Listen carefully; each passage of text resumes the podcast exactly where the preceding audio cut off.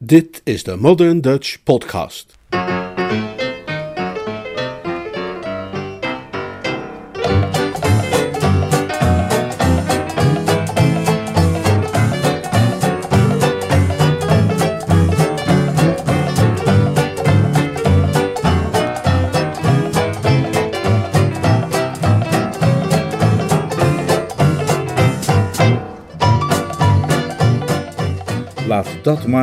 LG over. Uit de bundel A Few Quick Ones door P.G. Woodhouse.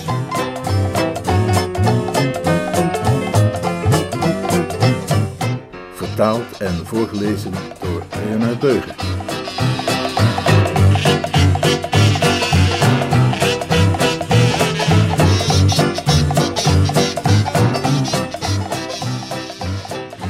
Zoals zo vaak in augustus, wanneer de ganse burgerij zijn jaarlijkse vakantie viert, was de populaire badplaats Bramley aan Zee zo bomvol met ozongenieters dat er nauwelijks nog plaats was om te staan. Henry Cuthbert Perkins, eigenaar van het alom gelezen kindertijdschrift Kleutertje Klein, was er met zijn vrouw. Oefie Prosser, de miljonair van de Drones Club, was er. Hij verbleef in het Hotel Magnifique en zag er ontzettend verkeerd uit met zijn Panama-hoed met een knalrood lint. Een vermaarde bezoeker uit de Verenigde Staten, Wally Judd, de striptekenaar, de man achter de duivelse Desmond-strip, die onder licentie verschijnt in 1600 Amerikaanse kranten, bracht er een weekend door. En op het strand voor het Magnifique zou een waarnemer die de menigte in ogenschouw nam, onder de aanwezigen ook Bingo Little hebben opgemerkt, de kundige jonge redacteur van eh, Kleutertje Klein, met zijn vrouw Mrs. Bingo, beter bekend als de romanschrijfster Rosie M. Banks. Zij keken toe hoe hun zoontje, Algernon O'Bray, een zandkasteel aan het bouwen was. Het was een mooie, zonnige, alleraangenaamste dag met een hoge drukgebied dat stevig zijn best deed en de hele natuur in opperbeste stemming maar het gebeurt helaas maar al te vaak in deze verwarde naoorlogse tijden, dat wanneer de natuur ons toelacht er ongezien toch ook heel wat ongelukkige sukkelaars zijn, voor wie het moeilijk is zelfs maar een glimlachje op te brengen. En Bingo was een van hen. De zon scheen wel, maar niet in zijn hart. De hemel was blauw, maar zijn wereld grijs. Het was niet het feit dat Mrs. Bingo op het punt stond naar Londen te vertrekken om het jaarlijkse diner bij te wonen van de Pen en Inkt Club, en waardoor die melancholie hem zo gevangen hield, hoezeer hij haar ook altijd miste wanneer zij er niet was. Wat zijn stemming zo bedrukte en zijn levenslust alle wind uit de zeilen had genomen, was een opmerking die haar zojuist was ontvallen. Wat betrof de geheimzinnige verdwijning van zijn gouden manchetknopen de dag daarvoor, was zij ervan overtuigd, zei ze, dat hier een professionele manchetknopendief aan het werk geweest moest zijn en dat Bingo die kwestie zonder uitstel in handen moest gaan leggen van de politie. Dan zullen ze, legde ze uit, navraag gaan doen bij alle pandjeshuizen. Dat was wat het zonlicht voor Bingo had uitgedoofd en wat hem ondanks het warme weer het gevoel had gegeven dat er duizend poten met ijskoude voetjes over zijn ruggengraat op en neer drentelden.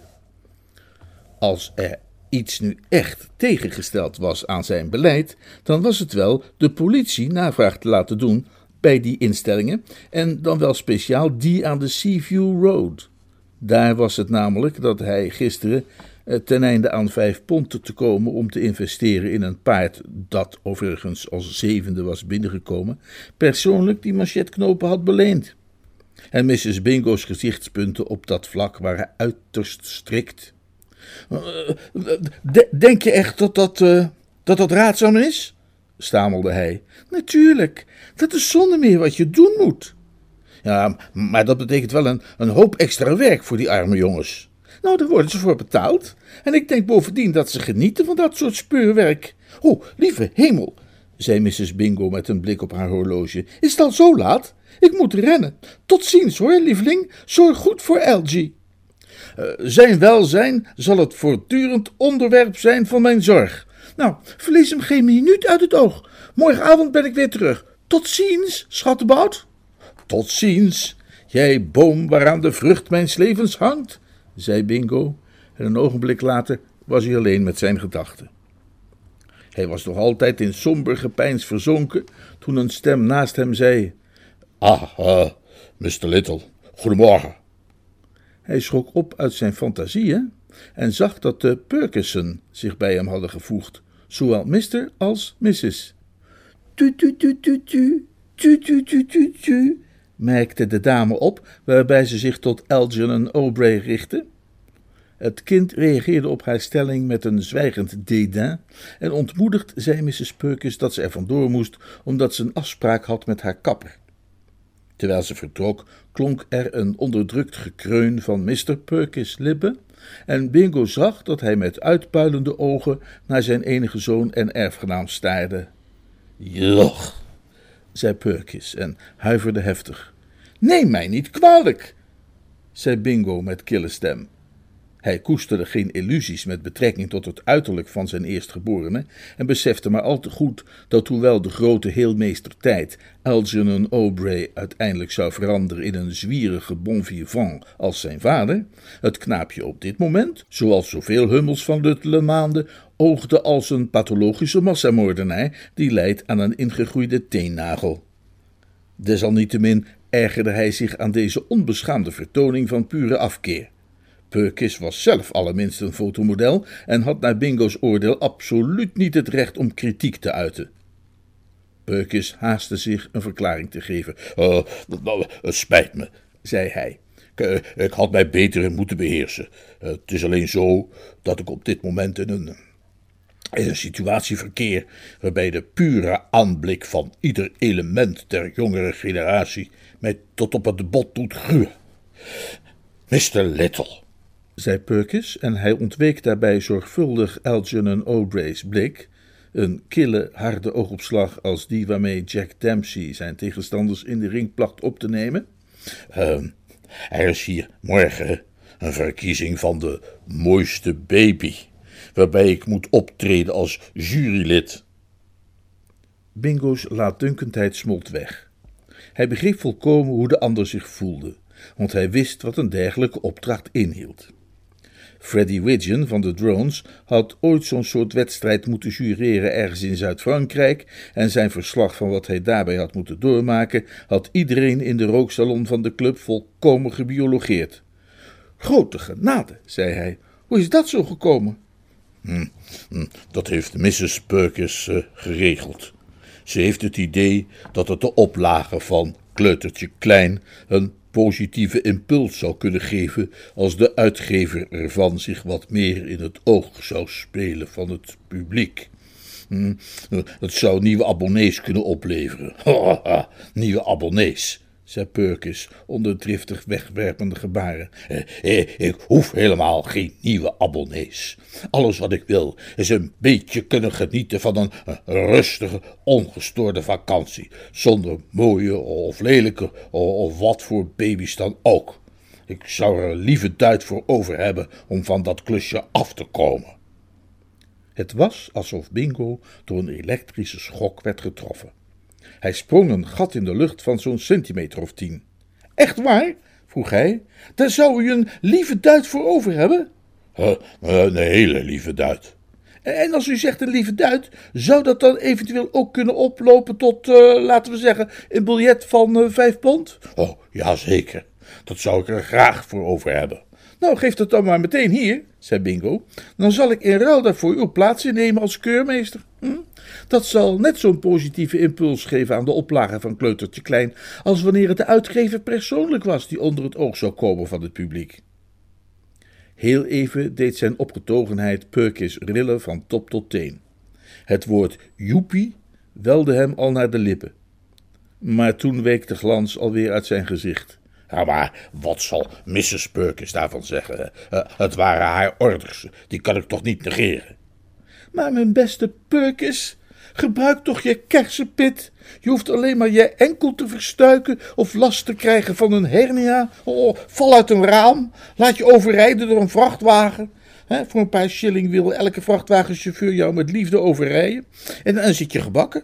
Die oude ta... Eh, sorry, Mrs. Perkins, moet ik zeggen, kan moeilijk verwachten dat je vrolijk mooiste baby's gaat uitzoeken als je jammerend op de bank ligt. Je had het over een biljet van vijf pond, Perkins. Ik wil wel eens zien hoe dat eruit ziet. Als in een droom haalde Perkins een briefje van vijf tevoorschijn. Als in een droom overhandigde hij het aan Bingo. Als in een droom nam Bingo het aan. Mr. Little, begon Perkins, maar verder ontbraken hem de woorden. En met een uitdagende blik op Algernon O'Bray, zoals een Indische koelie veilig in zijn boom de verbijsterde krokodil aan de voet daarvan zou kunnen hebben toewerpen, scheet hij er vandoor met een vrolijk deuntje op de lippen en zijn hoed schuin op het hoofd. En Bingo staarde liefhebbend naar het bankbiljet. Hij stond op het punt er een hartelijke kus op te drukken, toen een venijnig briesje dat uit zee opstak, het hem uit zijn hand blies, waarop het wegfladderde in de richting van de boulevard, alsof het vleugeltjes bezat. Het was een situatie die ook de meest slagvaardige types uit het veld zou hebben geslagen, en die Bingo dan ook ver buiten dat veld deed belanden. Zijn eerste impuls was uiteraard zijn verloren schat achterna te rennen op zijn vlucht. Hij te land, desnoods ter zee en het biljet in de lucht. Maar terwijl hij zijn spieren al gespannen had voor een snelle veldloop, schoten hem de afscheidswoorden van Mrs. Little te binnen. Verlies Algie geen minuut uit het oog. Ook besefte hij welke gedachte daarachter stak. Als hij hun kind uit het oog verloor, zou het gemakkelijk richting zee kunnen dwalen en al snel voor de derde keer kopje ondergaan, of aan de verkeerde kant van de wet terecht kunnen komen door een andere vakantievierder met zijn schepje op het hoofd te slaan. Niemand wist beter dan hijzelf hoezeer geneigd het knaapje was eens mensen scheel te klieven, zoals de dichter het noemde, wanneer je hem een spa ter hand stelde. Er was een bepaald type gleufhoed dat in dat opzicht onweerstaanbaar voor hem was gebleken. Het was Bingo helder dat hij, zoals dat wel wordt aangeduid, zich bevond tussen Scylla en Charybdis. Als Hamlet stond hij daar mistroostig en besluiteloos. Maar terwijl hij nog aarzelde, werd de kwestie hem uit handen genomen. Het biljet van vijf pond dwarrelde neer in een auto, een cabrio, die op het punt stond weg te rijden en de chauffeur greep het vast met een blik op zijn gezicht die duidelijk maakte dat hij weer helemaal bereid was in wonderen te geloven, trok op en verdween uit het gezicht. Het was een minuut of tien later dat Bingo, die al die tien minuten met zijn hoofd in zijn handen had gezeten, de boulevard opstrompelde met Algernon O'Bray in zijn armen. Toen hij de entree van het Hotel Magnifique passeerde, kwam daar juist Oefie Prosser naar buiten. De dichter Wordsworth heeft ons verteld dat zijn hart placht op te springen wanneer hij een regenboog aan de hemel zag verschijnen, en zo ging het ook met Bingo's hart toen hij zo onverwacht Oefie Prosser zag opduiken. Uh, niet dat Oefie een element was van grote schoonheid, alleen al zijn puistjes disqualificeerden hem voor die regenboogklasse, maar hij bezat die kwaliteit die veel walgelijk rijke kerels bezitten, namelijk er ook walgelijk rijk uit te zien. En behalve dat hij walgelijk rijk was, was hij ook de peetvader van Algernon O'Bray. Er daagde hoop in zijn ziel toen Bingo op hem toetrad. Oefie, beste kerel! Toen hij zag wat het was dat Bingo in zijn armen hield, week Oefie haastig achteruit. Hé, hey, riep hij uit, niet dat ding op mij richten. Het is mijn baby maar. Fijn, maar richt hem toch maar ergens anders heen. Ik denk dat hij jou een kusje wil geven. Voorzichtig, riep Oefie en hield zijn Panama-hoed in de aanslag. Ik ben gewapend. Het kwam Bingo voor dat de conversatie een ongewenste kant op ging. Hij veranderde haastig van onderwerp. Uh, ik vraag mij af of jij hebt opgemerkt, Oefie, dat ik er eh, bleek en afgetopt uitzie, zei hij. Nou, volgens mij zie jij er prima uit. Tenminste, zei Oefie, zijn uitspraak voorzichtig bijstellend, voor zover jij er prima uit kunt zien. Aha, dus het toont niet zo. Nou, dat verbaast me. Ik zou gedacht hebben van wel. Ik ben namelijk aan mijn absolute eindje, Oefie. Als ik niet gauw iemand vind die me vijf pond kan lenen. Nou, dat soort lui is heel lastig te vinden. Waar heb jij vijf pond voor nodig? Dat wilde Bingo maar al te graag uitleggen. Hij wist dat Oefie Prosser allergisch was voor het verstrekken van geld aan derden, maar hij had het gevoel dat het verhaal dat hij te vertellen had in staat zou zijn ook de sterkste neiging tot spaarzaamheid te doorbreken. Op een toon die af en toe gekleurd werd door emotie, vertelde hij zijn hele verhaal vanaf het eerste begin tot aan het tragische slot dat hem had overvallen. Toen hij het had afgerond, bleef Oefie enkele ogenblikken in gedachten verzonken.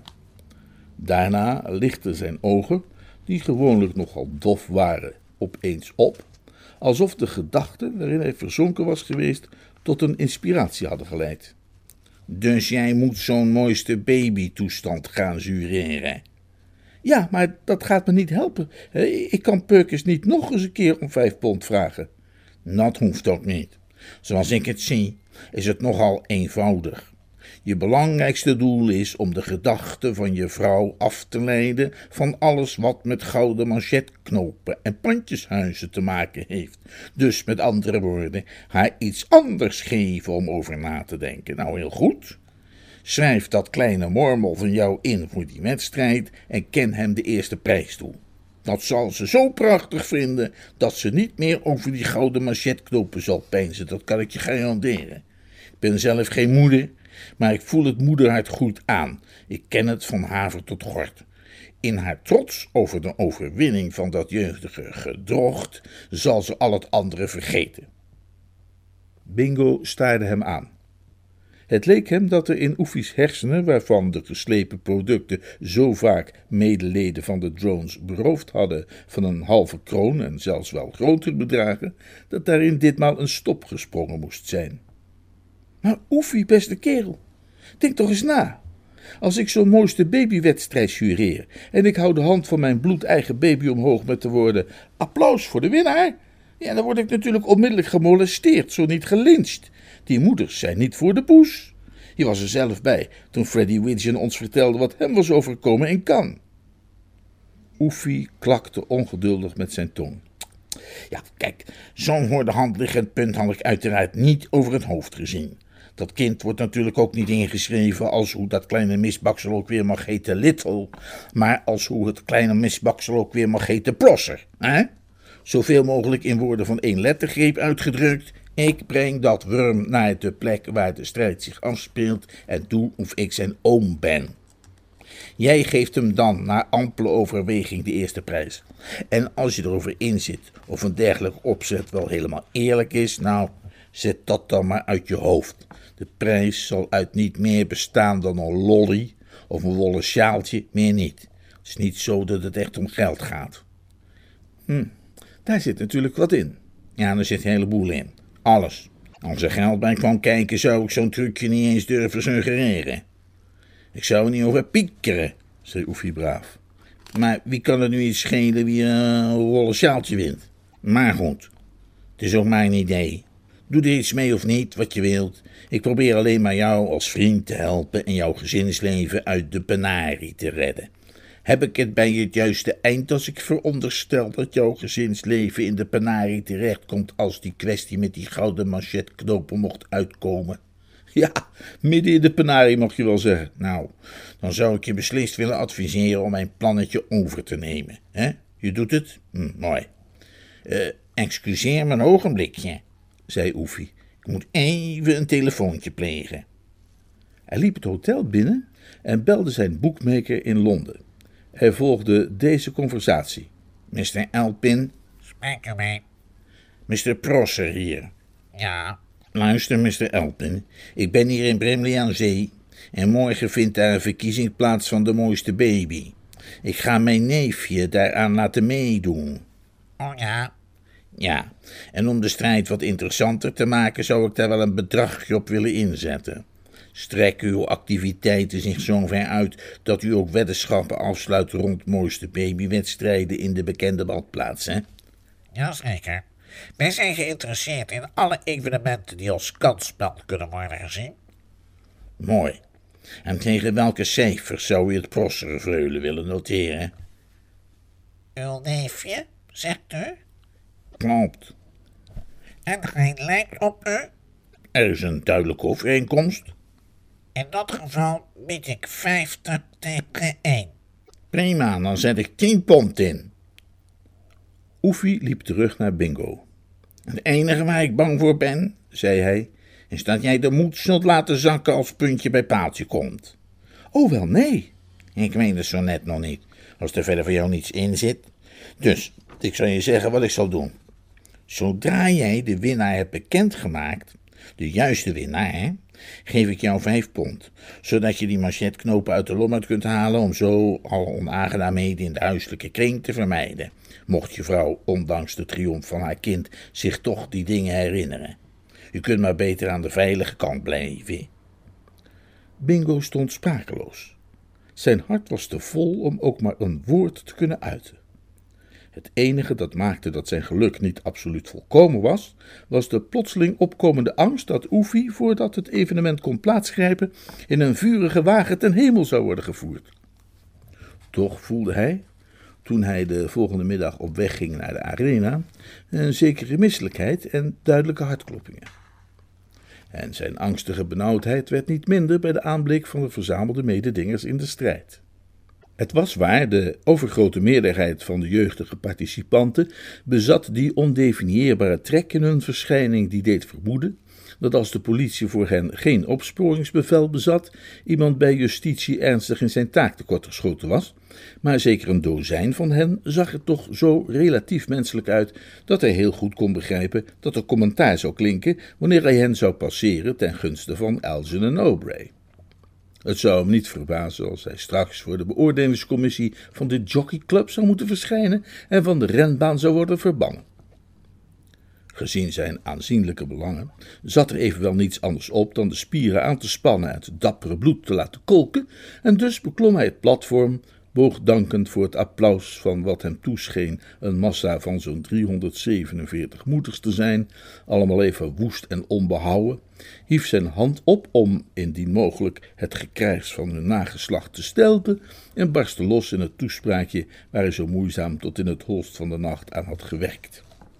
Hij sprak over de toekomst van Engeland, die, zo stelde hij, afhing van deze kinderen en anderen zoals zij, waaraan hij meende niet te hoeven toevoegen dat dit Engeland door de grote toneeldichter Shakespeare was beschreven als de koninklijke troon van vorsten, dit eiland soeverein, deze majesteitelijke aard, de legerplaats van Mars, dit tweede Eden, dit halve paradijs, dit fort gebouwd door de natuur om valse smet en grof geweld te weerstaan.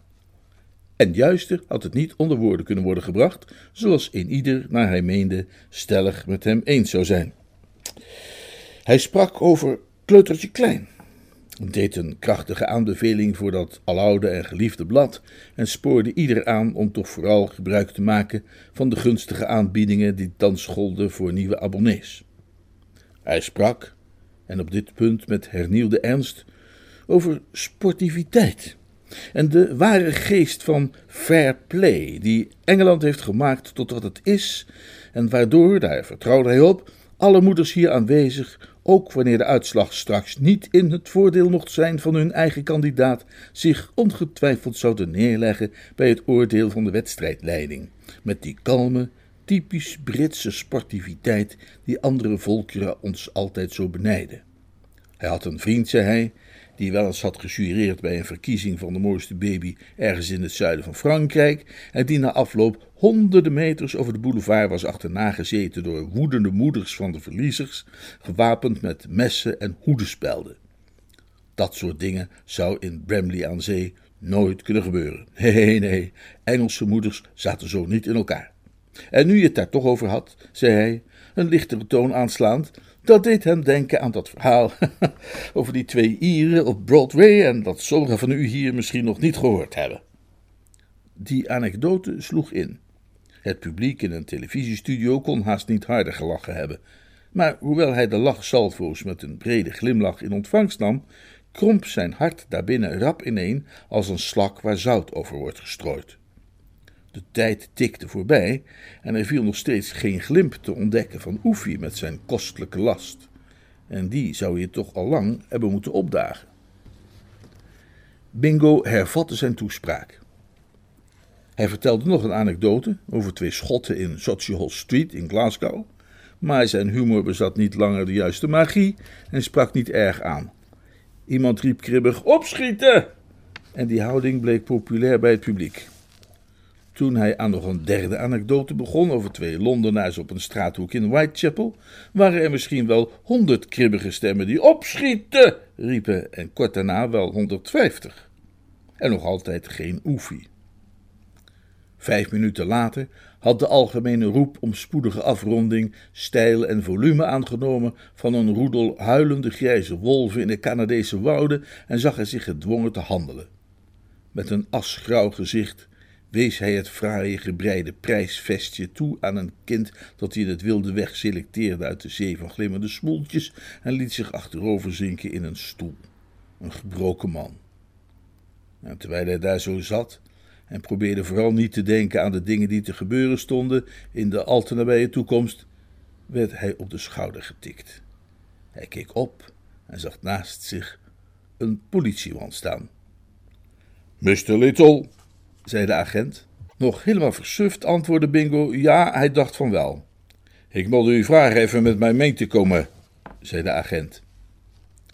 Andere politieagenten hadden bij andere gelegenheden, met name op de avond van de jaarlijkse roeiwedstrijd op de Theems tussen de respectieve ploegen van de universiteiten van Oxford en Cambridge, hetzelfde verzoek tot hem gericht, en Bingo had het bij die gelegenheden altijd maar het beste gevonden rustig mee te gaan. Hij stond op en liep met de politieman mee naar de deur.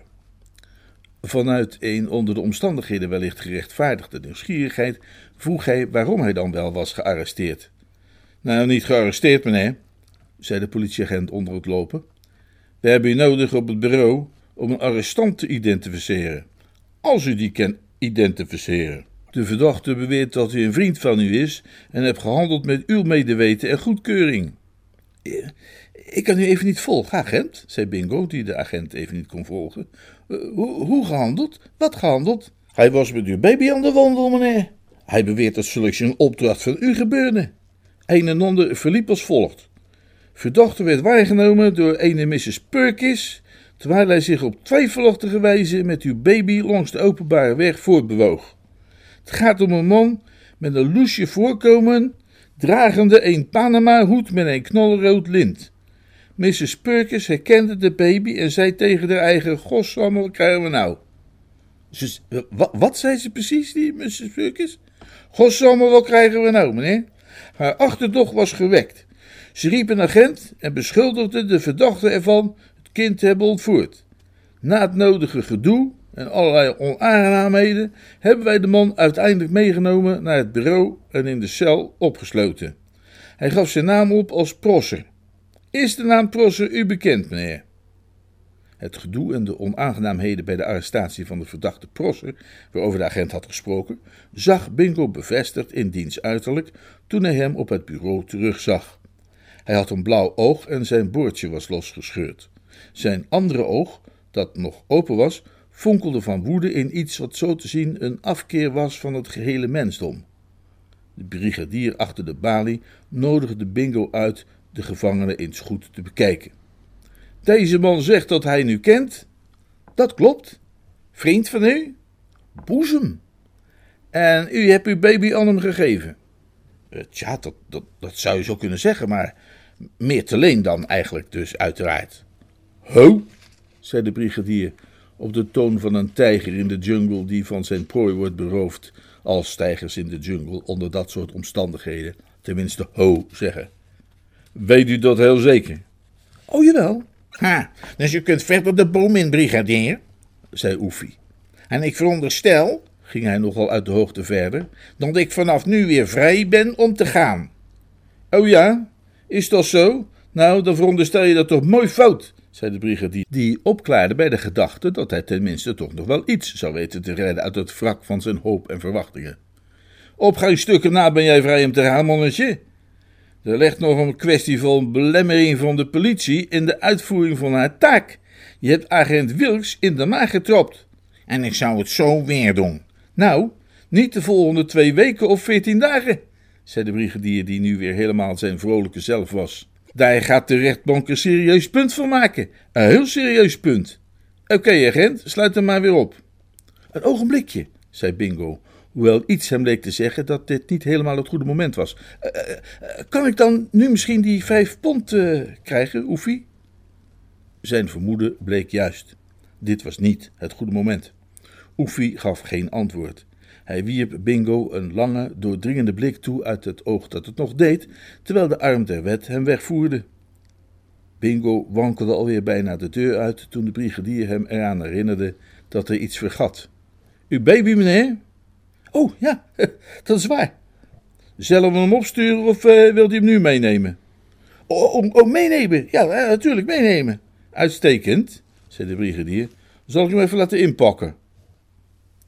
Kijken we even terug naar het begin van dit verhaal, dan zien wij dat we Bingo Little in gesprek met zijn vrouw Rosie over onderwerpen als de politie en pandjeshuizen of banken van lening een ongelukkige sukkelaar hebben genoemd. Nu hij daar zo met Elgin en Aubrey op het strand zat, kreeg men de indruk dat het synonieme woordenboek de term sukkelaar terecht gelijkstelt aan de kwalificaties schaap, schapenkop, slemiel, sloeber, stakker, stomkop, stommeling, stommert, stommerik, stumpert, stuntel, suffert en sul. En dan hebben wij ons daarbij alleen nog maar beperkt tot termen met de letter S. Hij zag de toekomst somber in en had er sterk de voorkeur aan gegeven de toekomst helemaal niet te hoeven beschouwen. Nu al kon hij het scherp inhouden van de adem waarnemen van zijn vrouw en de vloedgolf van woorden die onvermijdelijk door haar over hem zou worden uitgestort na zijn stamelende schuldbekentenis. Rosie en hij waren altijd als een paar tortelduifjes geweest, maar hij wist maar al te goed dat onder de juiste omstandigheden een vrouwelijke tortelduif zich weet uit te drukken met het omstuimig geweld waar een tsunami in het Caribisch stormgebied jaloers op kan zijn. Met een huivering ontwaakte hij uit zijn onaangename overpeinzingen en merkte dat Algernon O'Bray van zijn zijde was geweken. Hij bespeurde hem een eindje verder langs het strand in zuidoostelijke richting. De peuter sloeg juist een man met een gleufhoed met zijn schep op het hoofd en paste daarbij, naar Bingo meende waar te nemen, een stevige nastoot toe vanuit de pols. Bij het met een schep op het hoofd slaan van mannen met gleufhoeden is een nastoot essentieel. Hij stond op en haastte zich naar de plek waar de getroffene zijn achterhoofdsbeen zat te wrijven. In zijn capaciteit van Algernon O'Bray's maatschappelijk verantwoordelijke had hij het gevoel dat een verontschuldiging van hem werd verwacht. Goh, zei hij, spijt me ontzettend dat mijn zoontje zo'n lelijke dreun heeft gegeven. Dat had absoluut niet mogen gebeuren. Maar ik vrees dat gleufhoeden een fatale aantrekkingskracht op hem hebben. Hij kan dat gewoon niet nalaten. Het slachtoffer, een lange, magere man met een hoornen bril op zijn neus, antwoordde niet dadelijk. Hij staarde naar Algernon O'Bray alsof hij een visioen zag. Is dit uw zoontje? Bingo zei ja, dat was zijn zoontje. En de man mompelde iets van dat het vandaag zijn geluksdag was. Wat een vondst, zei hij. Als manna dat uit de hemel valt. Ik wil hem graag tekenen als u het goed vindt. We moeten dat natuurlijk meteen zakelijk regelen. Ik neem aan dat u bevoegd bent op te treden als zijn vertegenwoordigend zaakwaarnemer. Zullen wij zeggen vijf pond? Bingo schudde treurig zijn hoofd. Dat gaat vrees ik niet lukken, zei hij. Ik heb geen geld, ik kan u niets betalen. U hoeft mij niet te betalen, ik betaal u, zei de man. Dus als vijf pond wat u betreft in orde is. Hij onderbrak zichzelf, wierp een nieuwe onderzoekende blik op Elgin en O'Bray en leek van mening te veranderen. Nee, geen vijf pond. Dat zou pure diefstal zijn. Laten wij er tien van maken. Bingo hapte naar adem. Bramley aan zee flikkerde voor zijn ogen als een oude western op de tv. Heel even speelde hij met de gedachte dat dit zijn engelbewaarde moest zijn, die eindelijk weer aan het werk ging na een fikse periode van geluiwammes. Maar toen verhelderde zijn blik en zag hij dat de man geen vleugels had. Bovendien had hij gesproken met een Amerikaanse tongval en een engelbewaarder van een Drones Club lid zou ongetwijfeld een Oxfords accent hebben gehad. Tien pond? rochelde hij. Hoorde ik u nu zeggen dat u mij tien pond wilde geven? Twintig bedoel ik. En dat is het waard tot de laatste cent. Alsjeblieft, zei de man en haalde de briefjes uit zijn binnenzak tevoorschijn. Bingo nam ze eerbiedig in ontvangst en, door ervaring wijs geworden, klemde hij ze vast, zoals zeepokken zich vastzuigen aan de huid van een schip. Eh, wanneer wilde u beginnen met het schilderen van Eltjes portret? De man blikkerde vlammend met zijn hoornen bril. Goeie god, kreet hij walgend. U denkt toch zeker niet dat ik een portretschilder ben? ik ben Wally Judd. Wally wie? Judd, de man achter de duivelse Desmond. De man achter wat? Kent u de duivelse Desmond niet? Ik vrees van niet. De ander haalde diep adem.